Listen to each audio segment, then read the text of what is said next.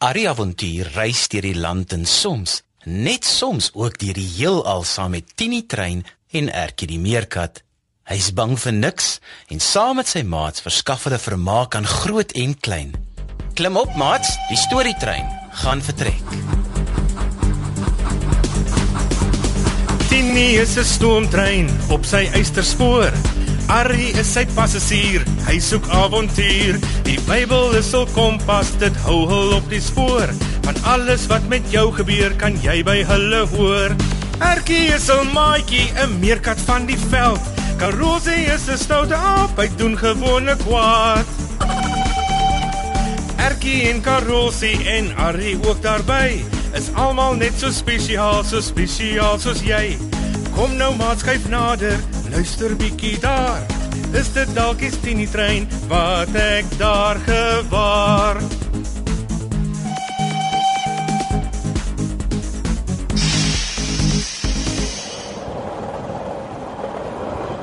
Ooh, Ari, ek hou nou van wanneer ons saam met jou ry op Tini trein. Hm. Dankie dat julle my help soek na my sussie, hoor. Miskien is sy ergens waar haar selfoon nie oproepe kan kry nie, maar ek het ook lanklaas 'n brief gekry. Begin soek, Ari? Wel, ek en hom Koos het terug in tyd gereis met Tini trein tot by die laaste plek waarvandaan ons 'n brief van haar gekry het. Mhm. Uh -huh. Ons het haar gaan vra waarheen sy volgende sou gaan, want dit het nie in haar brief gestaan nie. Waar was hy toe, Ari? Sy was toe in Johannesburg. Oh, Wat het sy daar gedoen? Waarin het sy gesê was sy volgende op pad? My sussie, Pippi, werk saam met verskillende groepe mense. Hulle help waar daar erg droogte is en mense en diere swaar kry omdat hulle dalk nie kos of water het nie. Sy was besig om te help om water en voer vir diere bymekaar te kry. Hulle neem dit na plase en dorpe waar die water en die voer vir die diere heeltemal op is. ooh, dis wonderlik, Ari Sjoka. Sy doen wonderlike werk. Mhm. Is er dan plekke in Suid-Afrika waar mense niks water het nie? Ja, Ertjie. Heeltemal niks. Water word dan in groot watertanks met trokke aangery. Die mense staan tou met houers om die water in te tap en die water moet hou totdat die trok weer kom. Ooh, ek hoop regtig dit reën gou-gou, Ari. Ja, ek ook Ertjie. Maar waarheen het Pippi gesê gaan sy volgende? Was dit nog 'n ander plek in Suid-Afrika, Ari?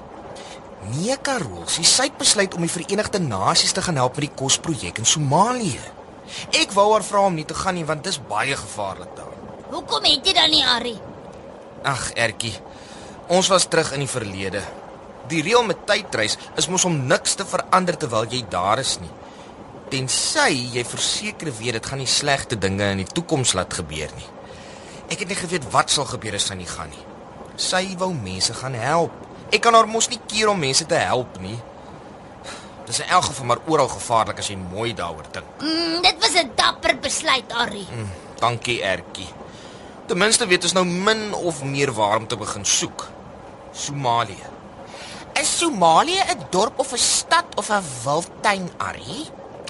Nou, Somalië is 'n land in Afrika, Karossie. Dis teen die see, uh langs Ethiopië en Kenia wat ook twee lande in Afrika is. Sy sou eers in Mogadishu wees. Mogadishu is 'n stad in Somalië en dis waar ons sal stop en uitklim. Dan moet ons al die stad 'n bietjie verken. Jy moet jou reuksin, ore en oë inspan terwyl ek en hom Koos rondvra oor waar die vee en sy span volgende heen is. Goed, Ari.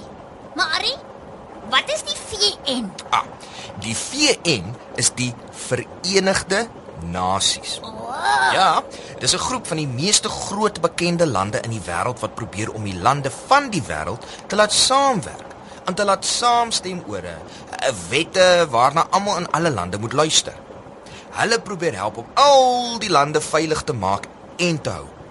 Hulle probeer help dat lande almal geld in werk het.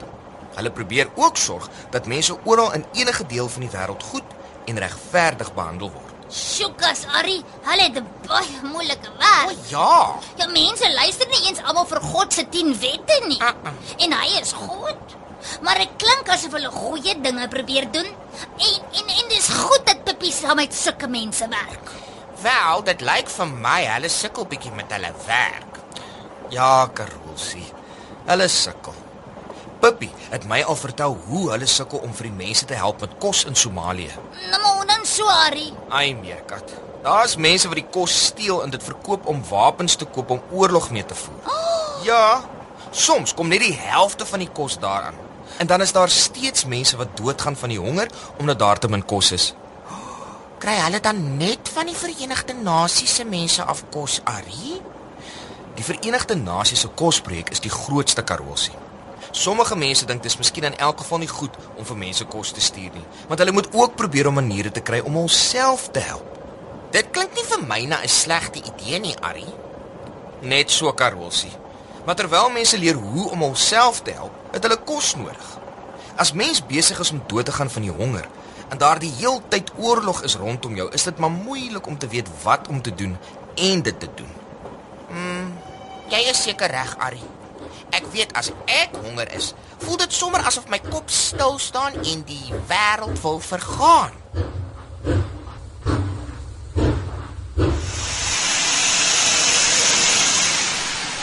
Ah, dit klink vir my ons is hier. Ek kyk gerus daar by die venster uit, oudjies. Goeie gorrelgat. Kyk net al die mense. Hoe kan jy vir so baie mense kos kry as daar niks kos is nie? Net so ertjie. Maar weet jy, baie mense maak skenkings aan die Verenigde Nasies. Ja, mense gee net wat hulle kan en alles bymekaar raak 'n groot klomp seën. O, Ja, oh, dis nou behalwe as dit nie gesteel word nie. Ja, net so. Behalwe dit wat gesteel word. Dit laat my nou dink aan 'n keer toe Jesus vir baie mense kos gegee het. Jesus en sy disippels was eendag in 'n dorpie met die naam van Betsaida. Hulle wou 'n bietjie in die stilte daar gaan rus. Maar hoe is mense as jy vir mense moet kos gee, Ari? Ag wag nou Karol, sê ek kom daarby. Hulle wou gaan rus, maar groot groepe mense het hulle gevolg. Op pad het Jesus mense gesond gemaak. Toe het hy op 'n heuwel langs die see van Galilea gaan sit en ook verder vir die mense van God geleer. Ooh, dit was 'n lang dag. Almal was honger en moeg. het die Verenigde Nasies 12 bestaan, Ari? Nee, ertjie nog nie. O, Jesus het vir sy disippels gesê dat hulle vir die mense moet kos gee. O, die disippels was baie verbaas want daar was meer as 5000 mense en hulle het niks kos by hulle gehad nie. 5000 mense. Kos gee met niks kos nie. Wel, nie heeltemal niks nie. Daar was 'n seentjie wat sy kos aangebied het. 5 brode en 2 visse. Ooh, Jesus het seker gelag en vir hom gesê hy kan mos sien dis te min. Nee, Karosie. Hy het vir hom gesê dis genoeg, want dit was alles wat die seentjie kon gee. Jesus vra net vir dit wat jy het. Maar dis genoeg vir hom om in 'n wonderwerk te verander.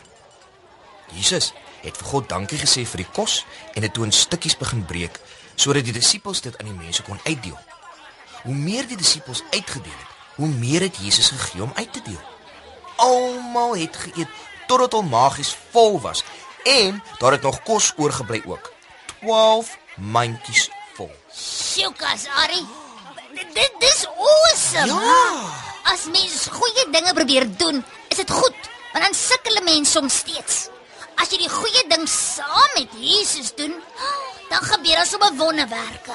Jy het hom meerkat. Ai, jy's 'n slim dier. Graaf, uh, ons gaan net gou 'n ander staanplek soek vir Tini. Bietjie nader aan die ambassade.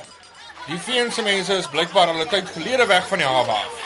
Ah, eh, reg so om koes. Almal aan boord. Tini is 'n stoomtrein op sy eysterspoor.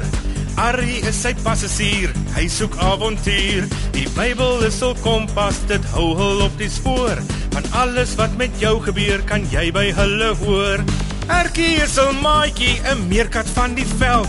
Karosie is 'n stoute aap, hy doen gewone kwaad. Erkie en Karosie en Arrie ook daarby. Is almal net so spesiaal, so spesiaal soos jy. Kom nou maat skuif nader, luister bietjie daar. Is dit dalk die Tini trein wat ek daar gewaar? Die avonture van Arrie en Erkie is geskryf deur Elsie Stander. Dit word opgevoer onder spelleiding van Lazelle de Bruin, tegnies versorg deur Neil Roo en vervaar deur Worldwide Media.